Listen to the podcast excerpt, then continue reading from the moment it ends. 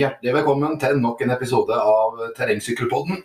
I forrige um, uke så promoterte jeg jo masse måter vi kunne holde oss eh, friske på. Eh, noe som endte med at jeg sjøl ble sjuk. Så jeg har vært uten trening i en og en halv uke snart. Og um, det, er, det er ikke så, så, gøy. Men du Erlend, du holder deg frisk som en fisk. Hva er det egentlig du driver og spiser for noe for å holde deg uh, så frisk? Nei, ofte noe McDonald's, da. Ja, det har jo blitt McDonald's her på Elverum nå eh, for et år siden, så du spiser jo mye der, vet jeg. Ja, ja, ja. Det er vel den eh, McDonald'sen som går best i hele Norge, har jeg skjønt. Er det det, ja? Så nå skal de også bygge Burger King like ved. Oi. Så nå blir det valgmuligheter her. Yes. Ja, nei, det, er, det, er, veldig bra at de starter sånne her matkjeder som, som, på en måte promoterer helsa til folk. da. Så Det er verre for meg som bor ute i skogen og må på en måte spise av det, det kjøttet vi finner i skogen, som er sånn urent, da, fullt av uh, hva er det dette for noe? Sånn det er jo radioaktivt stoff. Ja. Fisk full av miljø, miljøgifter ja, og ja. Så Nei da. Nei, det er jo, var kanskje litt dumt å ta opp prinsippet om kontinuitet eh, eh, akkurat nå. Da. For det er jo sånn at veldig mange, veldig mange sliter med sykdom i denne perioden her av året. Det går jo virus eh, så det holder. Eh, I tillegg til koronaen så har vi jo RS-viruset og masse andre basilusker som, eh, som florerer. Og det er veldig veldig fort gjort at man pådrar seg en eller annen form for luftveisinfeksjon. Ja da, det er det. Så det, det traff kanskje ikke helt perfekt da, med kontinuitet. Det var en til en, eh, som, som, har gitt en tilbakemelding òg, som, som syntes det var litt eh, eh, ironisk med at vi, brukte, vi tok opp det prinsippet akkurat nå, da, for han har blitt syk. da. ja, Men eh, sykdom og skader, det hører med, det. Så kontinuitet handler i hovedsak om uh, gjennom måneder og år. At man har noen dager og uker uten det. Sånn er det for alle til enhver tid. Ja. Uh, for min egen del om den siste uka nå, så hadde jeg et ganske kraftig fall mens jeg sykla på en sti. Ja. Hvor jeg rett og slett traff en stubbe, gikk over styret og falt rett opp på en annen stubbe. Nei. Så jeg slo meg jo kav for derva, Så det ble faktisk en to-tre dager uten trening på meg der òg. Ja, det har jeg ikke hørt noe om, jeg. Nei, nei, nei. Og så Jeg er vant på at du deler alt med meg. nei, og så tenkte jeg jeg skulle begynne å jogge litt da, da jeg først hadde begynt Smerten hadde gitt seg såpass at man kunne begynne å bevege seg litt. Så ja. jogga vel en rolig tur først, og så tenkte dagen etterpå nå får jeg gi på litt. Og det endte med strekk i leggen. Ja. Så da ble det ikke noe mer jogging, da, men da har jeg fått sykle etter det. Ja. Så skader og sykdom, så det, det, det hører med. Man må mm. liksom bare tenke at man må komme seg gjennom det, og så fortsette. Ja. At ikke sånne små ting gjør at man stopper opp treninga. Mm.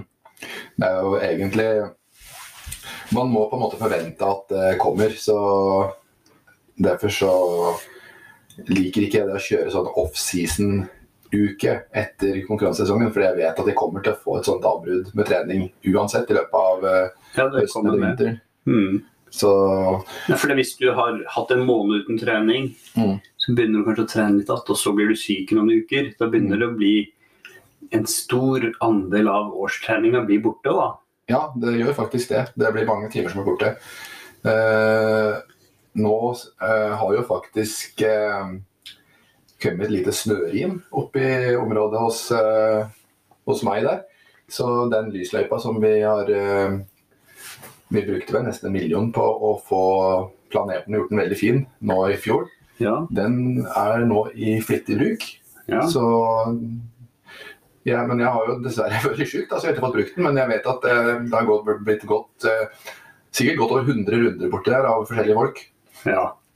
ja, sikkert mer òg, vil jeg tro. Jeg ser, både, ser mange friidrettslag går, de går jo mange runder da den først er der og går. Det er jo en løype som er motsatt av det resterende løypen i Norge. Mm. Hvor det er en forholdsvis flat løype. Og vi mm. har jo sett at det har jo gitt folk veldig lyst til å benytte seg av løypa. Ja. Det... Godt, godt lyssatt. forholdsvis enkel løype, Ja. og ungene stortrives. Ikke bare folk som på en måte ønsker å bruke løypa til trening på, på høyt nivå, liksom, men, men barnefamilier, eh, eldre folk og eh, all, alle typer folk eh, bruker jo den løypa der. Eh, og, det syns jeg er veldig veldig godt å se, for da vet jeg at det, den investeringa vi gjorde der, den var spot on i forhold til eh, folkehelse. Hmm. Ja, og piggdekka jeg satt på min sykkel i hvert fall. Har du Ja. fått på piggdekk på sykkelen din, eller trenger du ikke det inne på treningssenteret? Ja, jeg har satt eh, på, på eh, den sykkelen som har stående på rulla nå, har skifta til eh, piggdekk på framhjulet. Ja. Ja ja, det er jo Så det er svart, klart han må, for, må uh, være skodd etter sesong. Ja, Det er veldig viktig. ja nei, det er, men det, det er veldig uvant de første turene med piggdekk. Eh, man, jeg føler at man må jobbe med tyngdepunktet på en litt annen måte enn man gjør eh, på sommeren. Selvsagt litt avhengig av hva slags type piggdekk du har. Nå har- er stort sett alle steder utsolgt for den beste typen.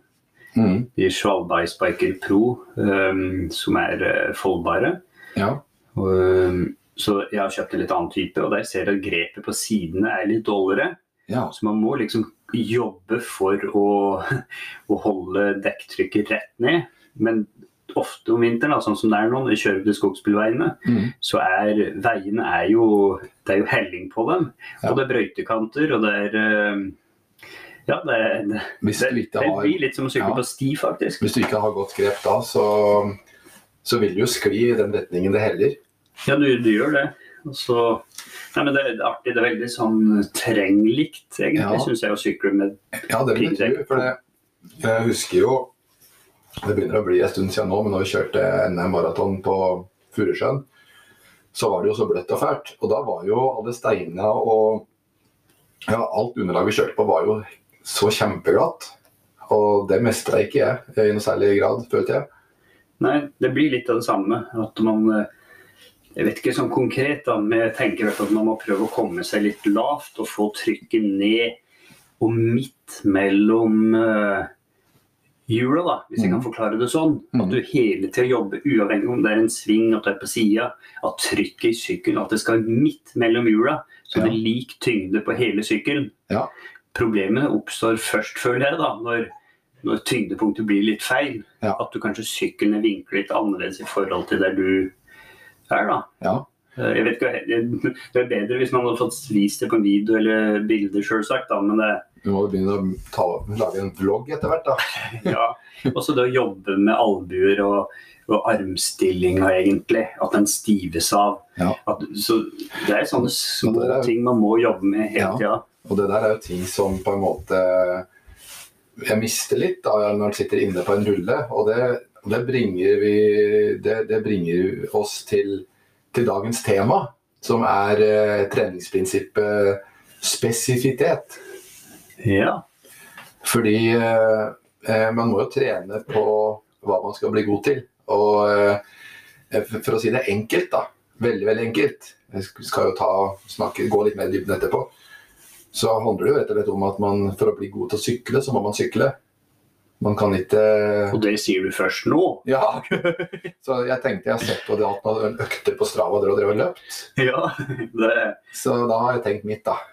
Ja. Nei da. Det, det er vel naturlig i dag at vi tar opp både prinsippet om eh, spesifitet, eh, men også samtidig prinsippet om variasjon. Men vi kan jo starte litt i forhold til prinsippet om eh, spesifitet. da. Og, og der har vi jo, Hvis vi ser litt på den konkurransesesongen vi har vært igjennom nå, så har vi jo sett litt på en del eh, delmomenter eh, som vi har eh, diskutert litt fram og tilbake. Annet erfaringa di på eh, eh, i forhold til starten der. ja. Det heter Sykkelvasen, ikke sant? Ja. Eh, det var en vanvittig start, Ja, rett og slett. rett og slett, og en motbakke. Ja, først flatt 1-2 km, og så kommer du rett inn i en motbakke. Ja. Og for å kunne få en, eh, en bra sluttid der, så iallfall hvis du har tenkt å være med på ganske høyt nivå, så er du helt avhengig av å, å bli med gruppa, bli med det kjøret fra starten der. Du må tåle det. Ja. Det nytter ikke å sitte og tråkke på din egen eh, moderate vatt, nei. Nei. Så derfor så, eh, så tenker jeg litt sånn at det kan være litt aktuelt eh, ut fra dagens tema, da, som heter spesifitet. At vi, eh, når vi da trener, så må vi på en måte tenke gjennom hva er det egentlig? Hva, hva er det vi møter på konkurranser? Tenk at vi sitter og kjører mye på sone 1 og sone 2, og så har vi mye av treninga på terskel. Og så glemmer vi litt at det her med oppstartstempo. Og spørsmålet er er det her trenbart, hvis man klarer å trene spesifikt på akkurat den biten der. Ja. Så du kan tenke, prøve å tenke gjennom en økt der du, eh, der du skal rett og slett eh, trene på det å holde en høyest mulig watt eh, over eh, de første ti minutta eh, av et ritt. Hvordan skal man legge opp en sånn type økt? Det er, det er et, noe som man kan eh, fundere litt eh, fram og tilbake på. Tror, man- tror du de beste trener mye sånt? Altså, vi vet jo det at kreften i et sykkelritt, øh, de fleste, øh, der bruker du mesteparten av kreften i starten Mm. og på slutten. Mm. Og så har du lang, det man kaller transportetappe, egentlig. da. Også det er sånn Et standardritt er- fungerer på den måten med felles start. Ja.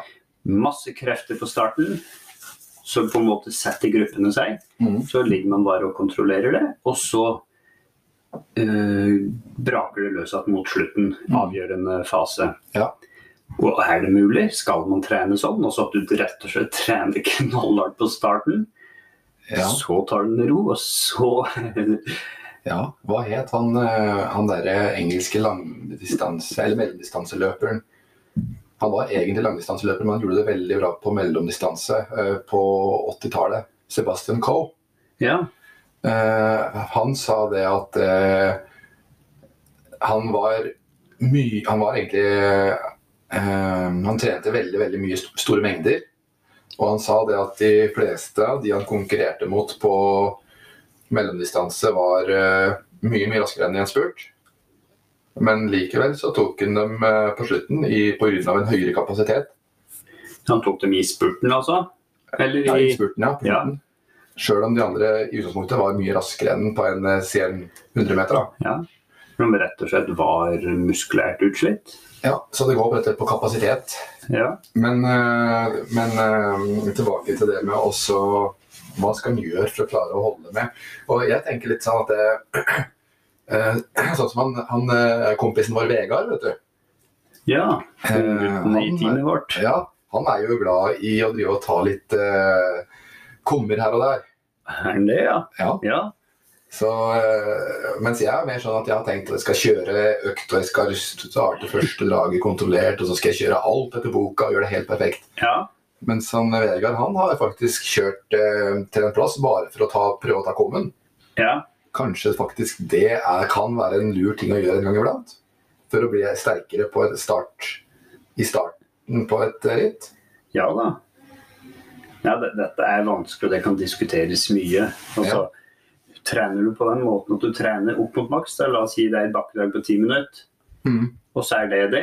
Mm. Eh, jeg vet ikke. Altså, men jeg må jo si min egen opplevelse, da, at nå har jeg aldri vært på det høyeste nivået. Da, men, Ja, men er langt unna. nei, men på et nivå der at man ofte har klart å henge med en liten stund. Da. Ja. Så er det nok, har jeg nok heller en opplevelse at bruker du for mye krefter i starten, så ødelegger man rittet sitt. Du må, Ja. du må, til slutt så klarer du ikke å holde følge med den gjengen likevel. Og så blir du tatt igjen av gruppa bak, som da har friskere ben enn det man sjøl har. For man har opparbeidet seg for mye syre og ja, man har blitt sliten sjøl, da. Ja, det er noe med det. Uh, og så er det med å tåle, tåle den anarobe belastninga det er. For det er jo ingen tvil om at en sånn start, så, så er jo veldig mye av de prosessene som foregår, anarobe. Ja, og, Man kjører langt, langt over det Ja. som kalles for uh, terskelvatt. ja. og, og det er til det jeg tenker med den måten å kjøre, da, hvis du er ute og kjører kun et kom-drag, da, som kalles, Ja. så blir du god på akkurat det. Mm. Men da kanskje du ikke klarer den transportetappen som kanskje er på 1, 2, 2,5 time etterpå. Ja. At det, det blir for krevende. Ja, det er akkurat det. Uh, Så dette er et spørsmål som kan eh, drøftes i det uendelige, tror jeg. Ja da. Men Men, man, eh, må jo opp og teste eh, Det kan mot godt maks at, av og eh, til, bare for å kjenne på det. Ja, det kan godt hende at eh, jeg har vært for opptatt av å kjøre kontrollerte økter etter standardiserte maler, kanskje. Ja, men så Nei, ja, det er mange, mange måter å trene på. Ja. Um, Men Så- eh, Men, men en helt annen ting da, som vi pratet litt på i stad, eh, så eh, En som vil bli god til å kjøre terrengmaratonritt, eh, som bare sitter og kjører på, på grusvei, han vil òg mangle litt av her, eh, den spesifiteten som trengs for å kjøre på, på sti.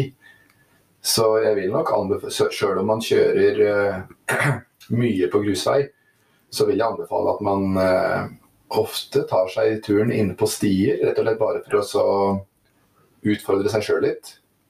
ja, absolutt. Utfordre koordinasjon og man vil, så det, så det er jo sånn at man blir bedre på det man trener på. Ja, det er det. Men så er det også andre måter å tenke på. Hvis vi trekker paralleller helt tilbake til 1950-tallet, Ja. og måten Hallgeir Brenden trente på. Uh, Hallgeir Brenden er jo kjent for at han klarte å beinfly motbakkene noe vanvittig fort. Og det var ofte der han knekte motstanderne sine. Ja. Så vi prøvde å lese meg litt mer opp på hvordan, ja, sånn som han trente. da. Ja. Og da ser vi at veldig mye av treninga hans var langturer, rolige langturer. Mm. Aldri under fire timer, helst opp mot seks timer. Ser du det? Ja. Og, da, og i visse perioder også det vi i dag kaller for dobbel terskel. Han var ute to turer om dagen. Hvor jeg var bare kjente litt på pulsen, da. Da var det altså ingen, ingen langtur da, som var på under fire timer. Nei, Eller av den, av den rolige treninga så var det aldri under fire timer. nei. Yes. Fire til seks timer. Ja, og det er viktig å ha, ha det med seg at selv om han var langrennsløper, så var han en av Norges eh, fremste 3000 meter hinderløpere. Ja han hadde jo innenfor lenge på 3000 meter hinder. Og med tanke på det underlaget som var da, og med tanke på det skotøyet som var, så tror jeg at det, det nivået han var på, vil stå seg i norgeseliten i dag. Ja da. Og, og, og det var bare det jeg tenkte. At jeg syns det er rart å tenke på at en som var så Han var jo en sprinter. Han var jo så rask og Carl klarte å beinefly de motbakkene.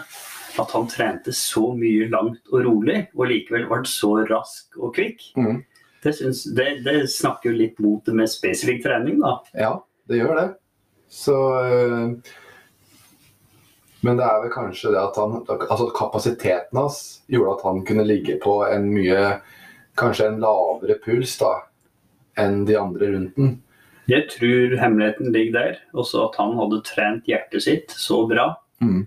At den var, var så mye bedre trent enn de andre. Ja.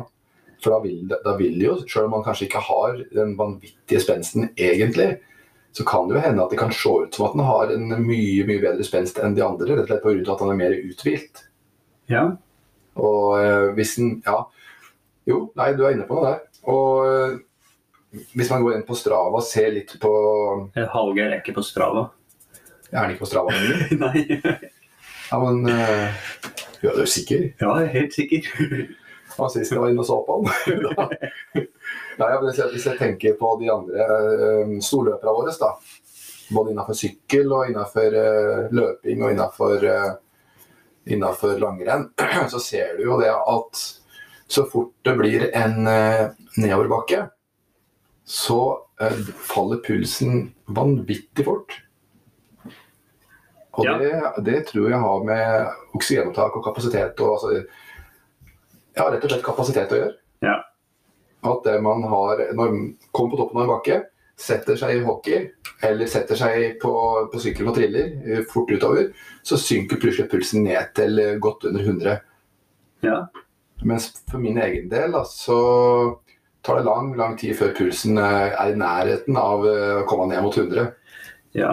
Og du liker jo ikke utforbakker, så pulsen din stiger jo faktisk, for du Ja. blir så redd. Jeg blir jo livredd. Nei, men det, det er et, eh, en veldig fin måte å se om man er i god form på, eller ikke. Rett og slett måle hvor lang tid man bruker på å få pulsen ned i hvilepuls. Mm. Det er det. Og, så, og det er jo én ting, da, men i forhold til eh, underlag òg, så for å være helt ærlig, så, følte jeg meg rett og slett helt hjelpeløs på da kjørte NM Maraton. På det glatte underlaget som ble da. Jeg måtte av sykkelen jeg, og rett og slett gå mye, mange steder der. Fordi jeg var Jeg hadde rett og slett Jeg var ikke flink, var ikke god nok til å sykle teknisk. Nei. Nei, men den løypa på um, Furusjøen er jo det er noe av det mest ekstreme man som tursyklist kan møte, tror jeg. Ja. Men tenk om vi hadde f.eks. Eh, vært oppe der da, eh, en gang iblant og sykla på den stien der. Så hadde det plutselig vært en helt annen historie. Mm. Jeg tror i hvert fall man har vært gjennom hele løypa minst én gang. Skal du Ja. klare, å, klare å konkurrere i den løypa og Ja. gjøre det bra. Og, og det er det der som gjør eh, maratonterreng så utfordrende. Fordi det er ikke enkeltelementer som du kan terpe og terpe på. Du har eh, kontinuerlige elementer hele veien. Og Ja. Sånn som en rundbane, så har du jo alle disse her tinga som jeg snakka om før. Da, både gapen og drops og svinger i sånne her doserte svinger. Og du har eh, steinrøyser og alt det greiene der. Mm. Men det her er, eh, det er jo elementer man kan stoppe opp å trene på. Gå tilbake, finne ut hva gjorde jeg feil, hva kan jeg gjøre bedre. Kjøre på nytt, kjøre på nytt. Terpe, terpe.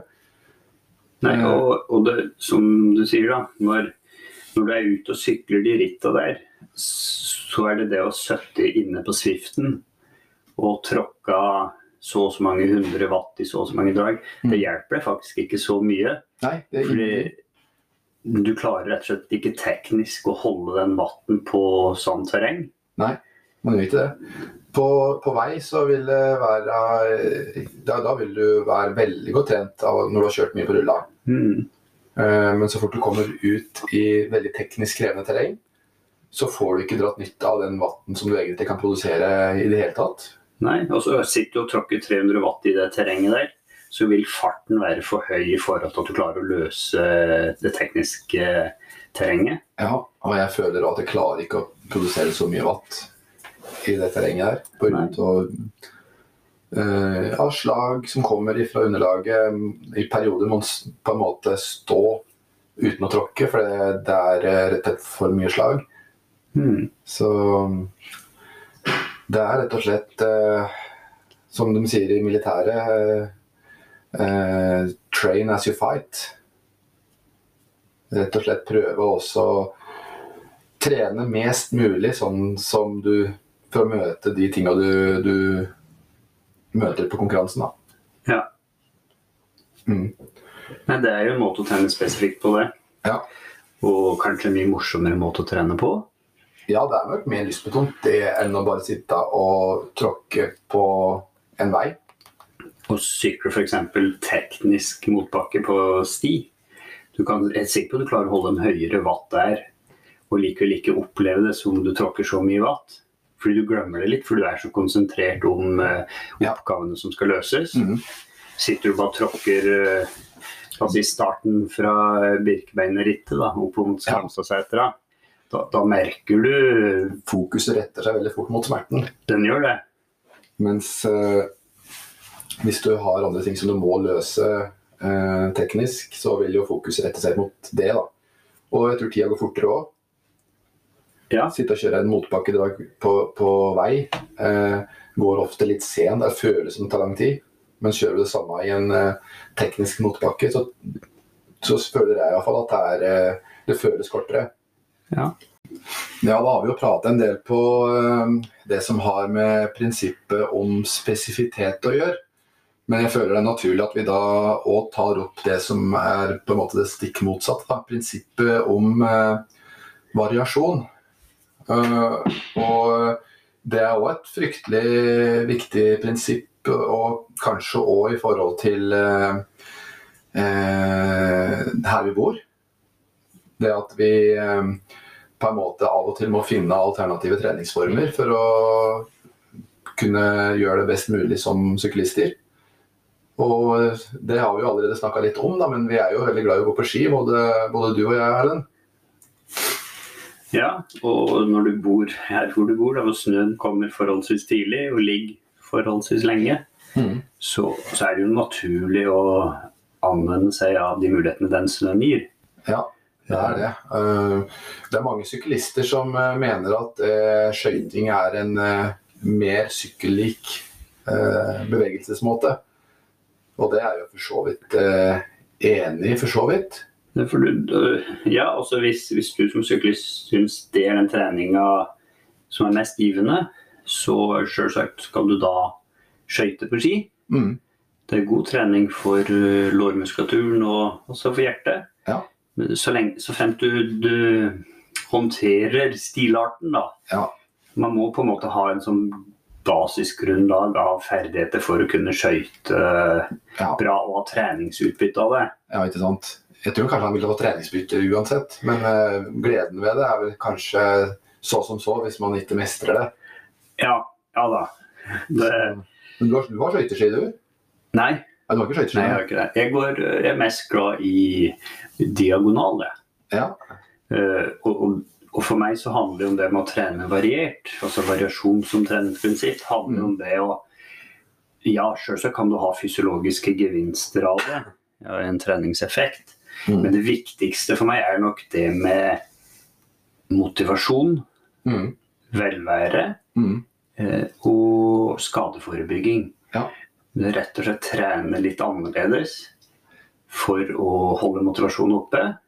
Um, få frisk luft, uh, få lys. Um, og så hvis vi i tillegg da eh, trener hjerte, trener muskulatur, så er det en kjempegod fordel, det òg. Ja, det er det altså. Så alle de tinga du ser der, er jo eh, litt av eh, de tinga som eh, man skal ha med det i forhold til prinsippet om variasjon. Og eh, det er jo mange grunner til at man kanskje må gjøre noe annet enn å sykle. Det kan, det kan jo òg være eh, skader. Kanskje man eh, har tryna eller har en overbelastning en eller annen plass eller et eller annet sånt som gjør at du må finne på noe annet. Da, da, finnes, da er det jo liksom prøve ikke å kaste inn håndkle, men finne noe alternativt å gjøre. Og det kan jo være alt fra aquajogging til, eh, til eh, langrenn. Gjerne f.eks. å stå slalåm eller al- alpint eh, i bakken òg kan jo òg være god trening for syklister. Alpinister er jo ofte sterke i låra. De er jo det. Mm. Eh, Men det, så det gjelder bare å finne den uh, treninga som man føler at gir motivasjon. da. Ja. Og uten at man glemmer det langsiktige målet sitt, som man antageligvis har satt seg. da. ja, ikke sant? Um, For min del altså, går jeg ganske mye på ski. Ja. Jeg opplever nok ofte at sykkelformen er så som så i mars-april. Ja. Men den trening man har gjort på muskulatur og hjerte, gjør at man fort kommer i grei sykkelform allikevel. Ja, man gjør faktisk det. Og motsatt òg. Vi som eh, sykler mye på når det er eh, bart ute. Det tar ikke lang tid før vi er i brukbar eh, skiform. Nei. Rett og slett pga. at hjertet og kapasiteten er der, men eh, det muskulære er ikke der helt fra starten. Men det går fort å trene opp, føler jeg. Det går ganske kjapt å trene det opp. Hmm. Så, mens en annen en sånn grunntanke rundt prinsippet om variasjon, da, det er jo at man, man skal ikke trene det samme hele tida. Man skal variere både lengden på økter og intensiteten på, på dem. Eh, Det å trene intervaller f.eks. er jo en fin måte å bryte opp et sånn monotont eh, mønster med mye langtur. Mye, lange kjører, mye mye langturer. Så det er eh, Og jeg tror man vil oppleve stagnasjon hvis man ikke følger prinsippet om eh, variasjon. Ja, absolutt. Kroppen trenger at man bryner seg på litt forskjellige ting. Mm. For rett og slett for at kroppen skal tilpasse seg og utvikle seg videre. Mm. Um, men ofte er det kjedelig. Eller også at man, det er vanskelig, mener jeg. Ja. Fordi, for man blir liksom litt vant til en måte å trene på, og man syns det er trygt og behagelig, og det passer til hverdagen. Og, Ja. Eh, og vi mennesker er jo ofte sånn at vi liker rutiner, vi liker at ting er ja. likt. Så fort det er noe nytt, Ja. så kan vi bli litt skeptiske. Og, men de fleste ønsker kanskje å ta et par steg ekstra opp på den eh, resultatlista. Og så Ja. utvikle seg litt videre, komme seg ett steg videre. Og da må man rett og slett Ja. eh, Man må utvikle seg. Det kan enten være på kapasitet, det kan være på teknikk, det kan være på utstyr. Mm. Eh, Sted du gjør det på. ja, altså, du, du må i hvert fall bestemme deg hva, hva vil du utvikle deg på, Ja. og så gjøre noe med det. Jeg kjenner, jeg kjenner på det sjøl, jeg. Det er jo sånn at det man, ja, man kjører ofte i eh, bakkedrag, ofte på den samme bakken. Fordi man kjenner den veldig godt. Du vet Og- hvordan man skal løse den bakken. Ja, man gjør det. Uh, og da er det ofte at det, man, man tenker kanskje ikke helt eh, at det å være med noen andre på en helt annen plass kanskje kan være en veldig god idé. Nei, For det når du eh, Sannsynligvis, da, så vil du aldri kjøre den motbakken du driver og kjører motbakke i på en konkurranse. nei, Så sant det ikke går noe ritt der. nei. Det, jeg, jeg har jo bodd på Rena i mange år og har jo trent veldig mye i Birkebeiner-traseen. da. Ja, der går jo ingen Opp mot Der går det ikke noe ritt som gjør noe. Opp, opp mot Skramstadsetra. Og og, og jeg, for min del altså, har det nesten blitt mer til at man gruer seg til Birkebeinerrittet. For man vet hvor knalltøff den bakken er. Ja. Ved å drive og trene så regelmessig. Man vet hvor bratt og tungt det er. Ja. Mens eh, Nei, det er litt vanskelig akkurat det der. Mm. At man, hvis man hadde heller trent mer i litt annen bakke, så hadde man kanskje tort å gasse på litt ekstra der. Fordi man ikke helt vet hva man møter. ja. Um, men samtidig å komme til dritt i en motbakke hvor du aldri har vært før, Mm. det, det kan være helt katastrofe òg.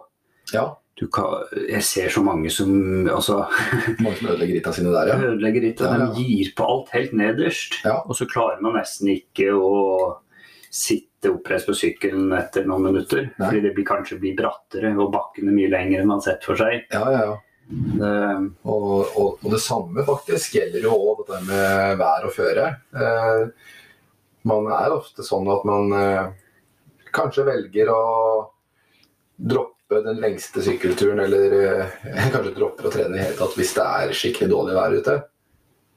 Men eh, ja, Og jeg er der sjøl òg.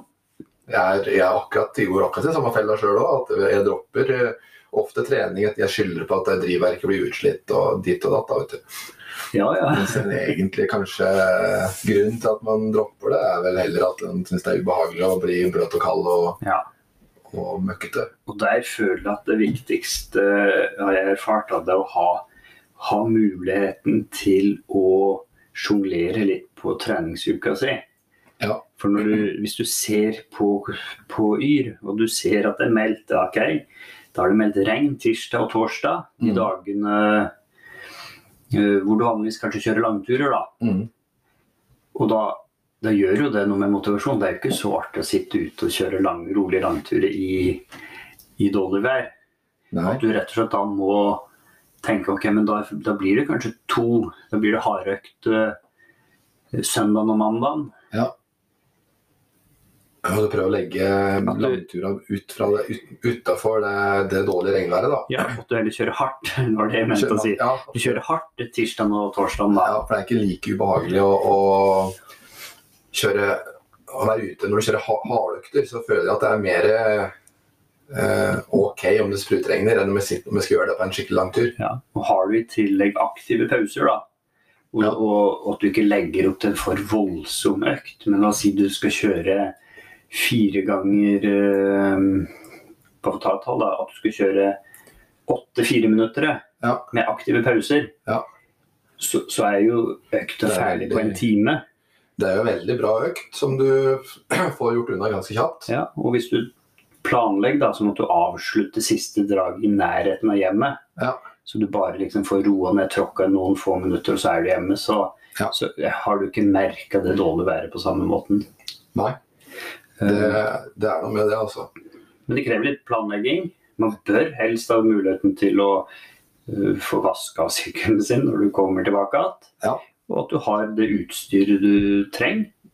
Mm. Jeg merker bare sjøl i dag, da jeg var ute og kjørte fire ganger 15 minutter med, med Stian Juel, Helge Sveden og Steffen Arts Repshus. Ja. Jeg med piggdekk og dem med vanlige dekk. De kjørte da fem drag, jeg fire. Hvor mye utstyr som kreves. Det var minus syv grader på morgenen. ja. Og det er en voldsom mengde med forskjellig eh, utstyr og ting man trenger på å drive og sykle nå. Det er, Ja. det, er fakt, det er ikke bare å kaste seg ut. Nei. Du kan ikke begynne med vintersykling sånn på dagen. Bare bestemme deg, nå tar jeg meg en sykkeltur nå. Ja. Du, det, er, Det er det, er masse utstyr. masse utstyr. Og det, det er faktisk et av de andre temaene som jeg tenkte vi skulle snakke litt om i dag. Ja. Det nærmer seg jul. I år òg. Ja. Aldra. Kanskje man allerede nå bør begynne å se litt på hva, man, eh, hva slags type, hva, hva utstyr man ønsker seg da, til jule, i julegave. Og kan uh, si det til sine, sine nære kjære. da. Ja. ja. Hva er det du sier at du ønsker deg, da? Ja, ny jeg, har, jeg har ikke sagt det faktisk, men jeg har en mistanke. For det, og Desireo og har eh, bestilt eh, noe fra Bikeshop. Ja, men det gjør jeg vel titt og ofte. Ja, ja, det er faktisk første gang jeg har bestilt. Ja. Og eh, jeg var litt, sånn, litt uforvarende å se eh, på nettsida hva hun egentlig hadde bestilt. Men hun, og det var liksom litt feil, at hun visste det på telefonen, men, men, eh, men eh, jeg syns nesten jeg så hva det var. Men jeg, jeg skal ikke si det. Du må, det ikke la henne få vite det, da. nei, nei, så det er, det er veldig viktig at det bare blir mellom oss to. Ja. Vi kan adføre det. Nei, ikke sant. Men det var en sånn litt firkantet eh, liten kloss og det, som kosta Det var en ganske dyr ting. En 3000-4000 kroner. Uff da. Og så var det et eller annet Jeg mener du syns det sto noe med Garmin. Men Garmin er hva det Så jeg vet ikke hva det kan være. Det er i hvert fall kvalitet, da. Ja, det er noe med kvalitet. Jeg, jeg er som sagt helfrelst Garmin-supporter. Ja, jeg det- er veldig glad jeg, for Det er mye med jakt òg, vet du. ja, Og der bruker jeg Garmin 100 Ja. Så Garmin er det jeg bruker bare Garmin. det er et sånn kvalitetsstempel, egentlig, det. Ja, Vi burde egentlig fått betalt for Garmin for å si det her. Og jeg gjør det. Ja, du gjør det, ja? Ja, ja. Og så har du ikke sagt noe til meg? Ja, det er litt dyrere produkter, selvsagt, men det, det er kvalitet. Og som med det meste her i livet, så er det kvalitet som gir, eh, gir best eh, effekt. Ja, Og gir kan. mest glede med å drive med. Du har det som regel mye lengre tid òg, så selv om du kjøper en billigere ting som kanskje fungerer tilsvarende, så, så er det ikke sikkert at det funker eh, fullt like bra, og så blir det kanskje ødelagt litt tidligere. Ja. Så Kon konkret eksempel fra hverdagen her. da. Ja. Jeg kjøpte en ny sykkel til dama her for et par uker siden. oi, oi. Alltid sykla på en sånn gammel sykkel som knapt går framover, og det skrangler og det Ja, nesten nå, nå kjøpte jeg en Orbea Ikke noe dyr greie, da. Eller, men Orbea Alma H30, tror jeg den het. Til sånn 12 000. Ja, Kjøpte nye, gode vinterdekk. ja. Og hun gikk fra å synes det er dritkjedelig å sykle, Ja. til å rett og slett synes det er artig å sykle til jobb nå. Oi. Så Ja, det er jo bare ved eh, å ha endelig fått en sykkel som ikke er noe sånn kjempedyr, da, men litt mer enn det hun er vant til, Ja. og, og gode dekk.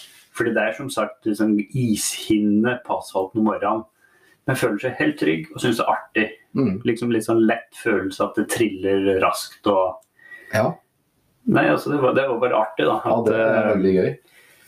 gå for kvalitet. Litt dyre, men det, det, det er verdt det. Ja, absolutt. Så Ellers så Det er jo mange andre ting som står på ønskelister òg i forhold til uh, sykkelutstyr. Det er jo eh, Når vi driver med sykling, så han blir jo aldri mett av utstyr.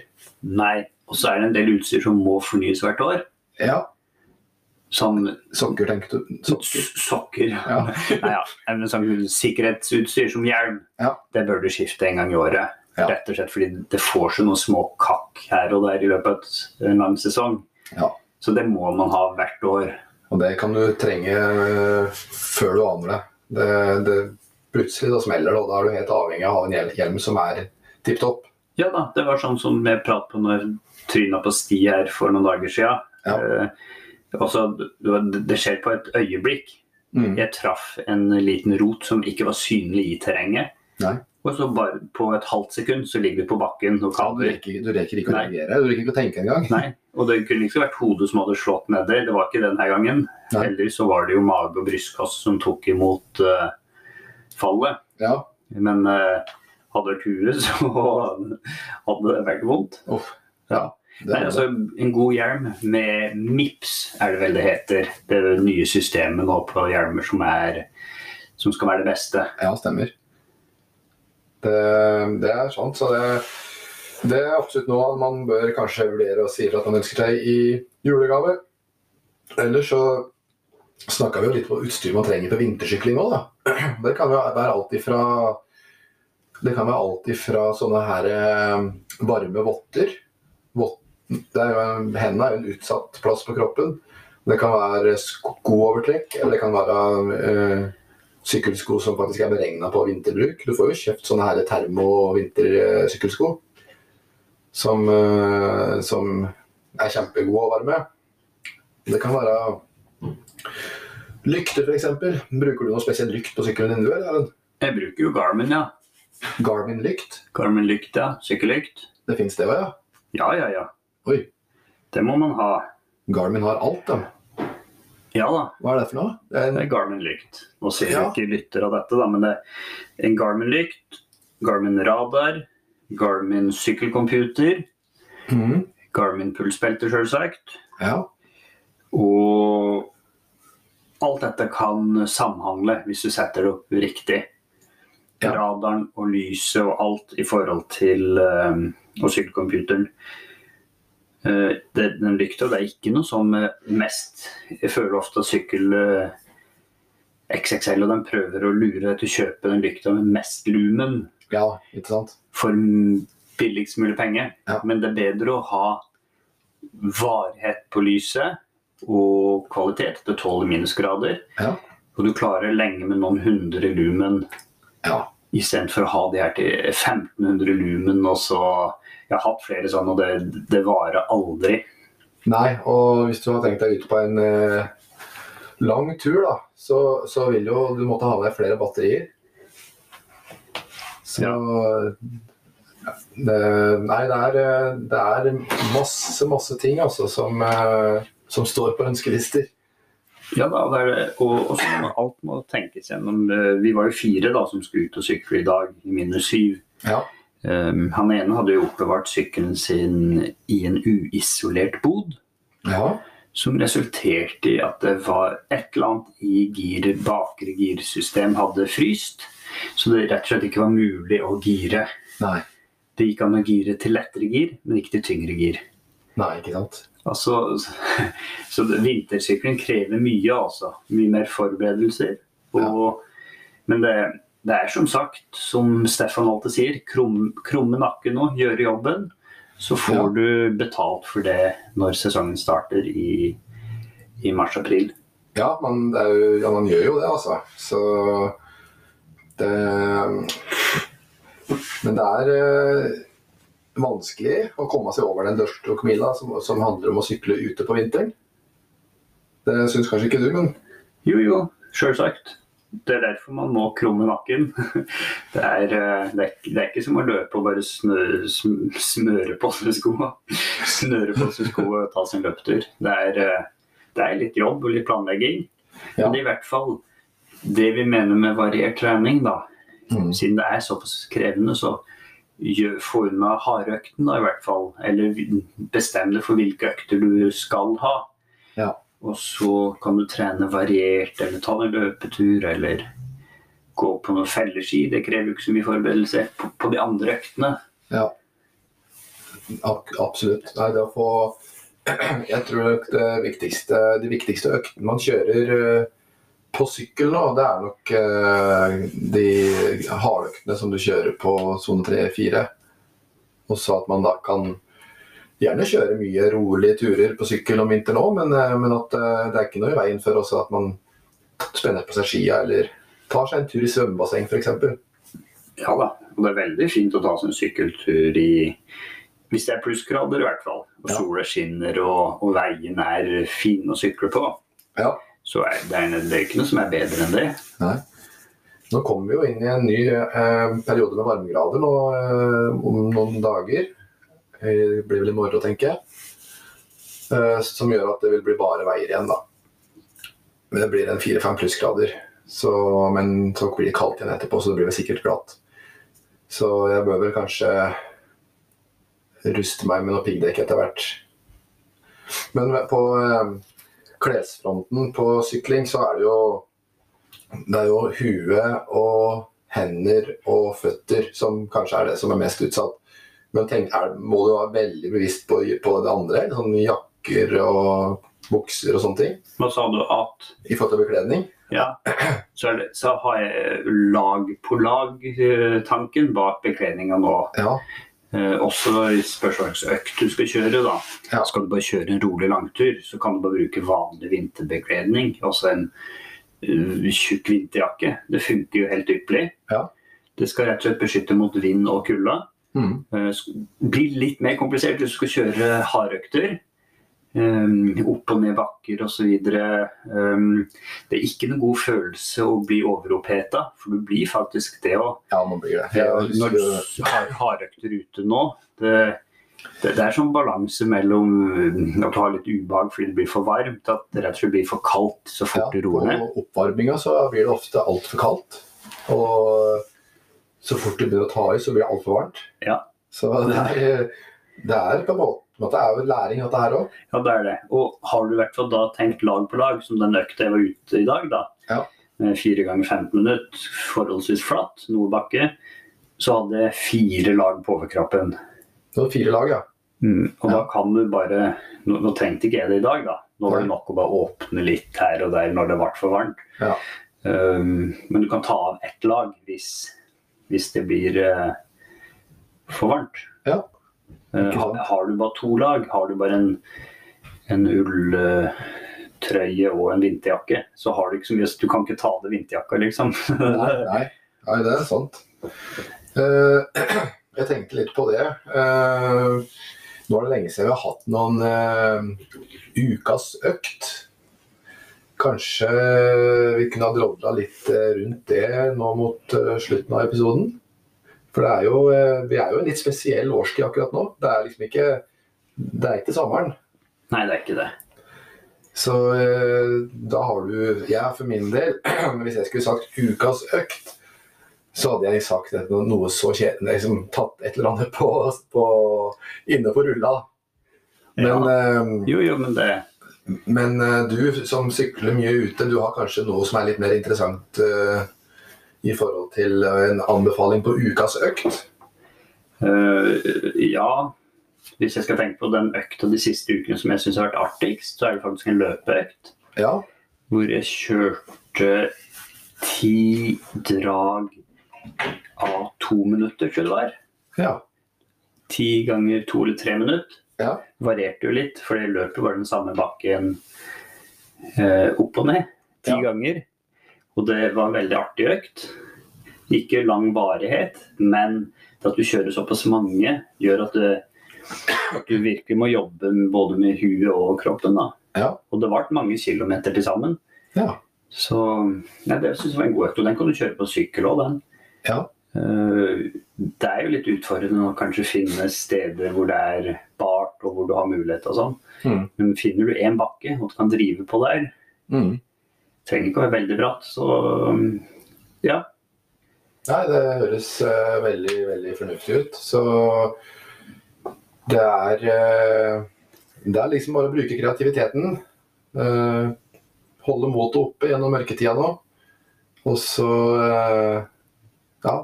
Jeg ser jo som vi har blitt invitert av Solør CK at, å delta. dem har jo, har jo funnet en oppskrift. da. Vi har jo prata veldig mye om sykkelklubben på Solør. For dem, du skal lete lenge etter en klubb med så bra bredde. Mm. Så bra nivå over så mange syklister. Og det, jeg fikk jo tilsendt planene deres hvor de skal blant annet kjøre fellesøkter med timinuttersdrag en gang i uka. Ja. Og så inviterer de til vinterrace eller vinterritt. Jeg så det. sendte Eh, meg. en gang i måneden gjennom vinteren. Det er helt genialt. Rett og slett eh, som eh, treningsutbytte er jo bra, selvsagt, Mm. men også på motivasjon. Ja. Det må jo være vanvittig motiverende å vite at det hver, hver fjerde uke så kommer det et ritt, og da må man være i form. Ja. Man har jo ikke lyst til å bli slått av naboen. Nei. Nei, det er en kjempefin måte å holde motivasjonen oppe på. Det gjelder så nå, det er liksom Det er på den tida her man ser hvem som er sterk i huet. Ja, Hvem som klarer å holde hjula i gang. det er det. Og det er det vi får resultater av når vi kommer til sommeren. Så Men da tenker jeg kanskje det at vi eh, kan begynne å avrunde denne episoden her. Det er jo eh, som vanlig kommer vi med en ny episode neste mandag òg. Vi gjør vel det? Vi gjør jo det. Ja. Så lenge vi har lyttere, så må vi vel spille inn. ja. Og det må vi bare si. Det var jo artig her om dagen hvor vi satte en ny lytterrekord. Ja, det var veldig, veldig artig. Husker ikke nøyaktig, men når man har ja, på denne tida av året, da, at du Ja. har flere lyttere på én dag enn du har hatt Noen ganger. noen gang, det var er artig. Så det viser jo at folk eh, Folk er interessert i sykkel og Ja. terrengsykling. Ja. Så det er veldig moro. Så da ønsker jeg alle sammen eh, kjempefin treningsuke. Og så høres vi neste mandag. Ha det bra. Ha det!